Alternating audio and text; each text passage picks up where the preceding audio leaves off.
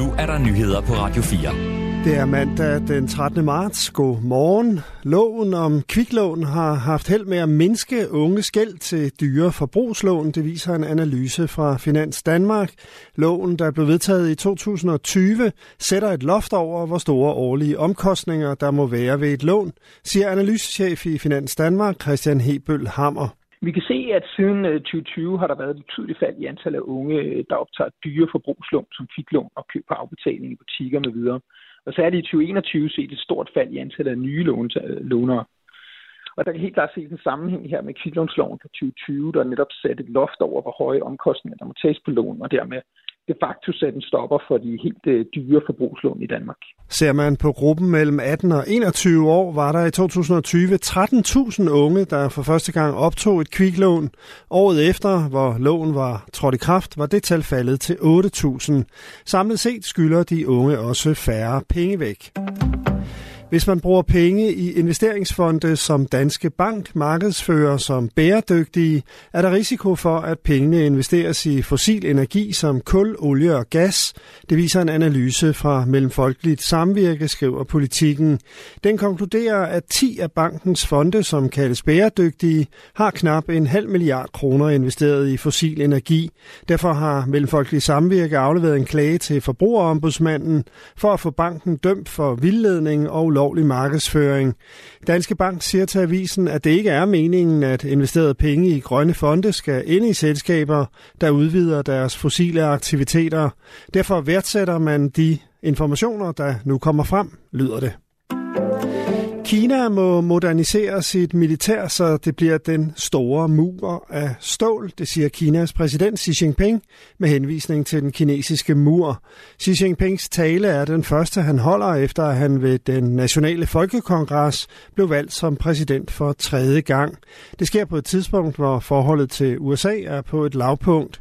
Den kinesiske præsident opfordrer til, at Kina i højere grad beskytter den nationale sikkerhed. Ved åbningen af kongressen i sidste weekend blev det meldt ud, at Kina vil øge sit militære budget med den største andel i fire år. Der mangler sygeplejersker, sosuer og pædagoger. Alligevel gik 1700 fleksjobbere, der er uddannet inden for velfærdsområdet, ledige sidste år.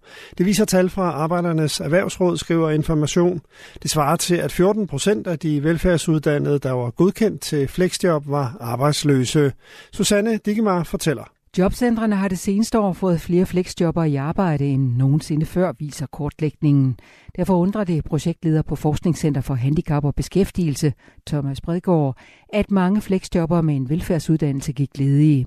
Det springer i øjnene, at det er velfærdsfagene, som samtidig med, at de har rekrutteringsudfordringer, også har den højeste ledighed blandt fleksjobbere. Det viser, at der er et uudnyttet arbejdspotentiale her, siger han til Information. Kortlægningen viser, at 12 procent af dem, der er godkendt til flexjob af de pædagoguddannede, gik ledige det sidste år. Flexjob er for personer med fysiske eller psykiske handicap.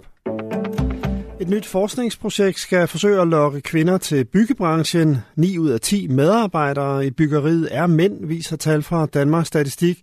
Men det vil et nyt forskningsprojekt mellem virksomheden Kemper Lauritsen og Copenhagen Business School råd bod på. Med 2500 ansatte er Kemper Lauritsen landets største tekniske installationsvirksomhed. Derfor mener virksomheden, at den selv har et ansvar for at gå forrest, siger HR-direktør Thomas Torsø sådan at man som, som ny medarbejder, eksempelvis som, som ung kvinde, netop øh, bedre kan identificere sig med Kemper Lausen, fordi man kan se, at der er andre, som ligner en øh, i samme situation. And the Oscar goes to Everything Everywhere Filmen Everything Everywhere All at Once vinder Oscar'en for bedste film ved prisuddelingen i Los Angeles. Prisen anses som filmindustriens største ære. Filmen var nomineret i 11 kategorier, og den endte med at vinde hele syv af dem. Blandt andre modtog Jamie Lee Curtis prisen for bedste kvindelige birolle.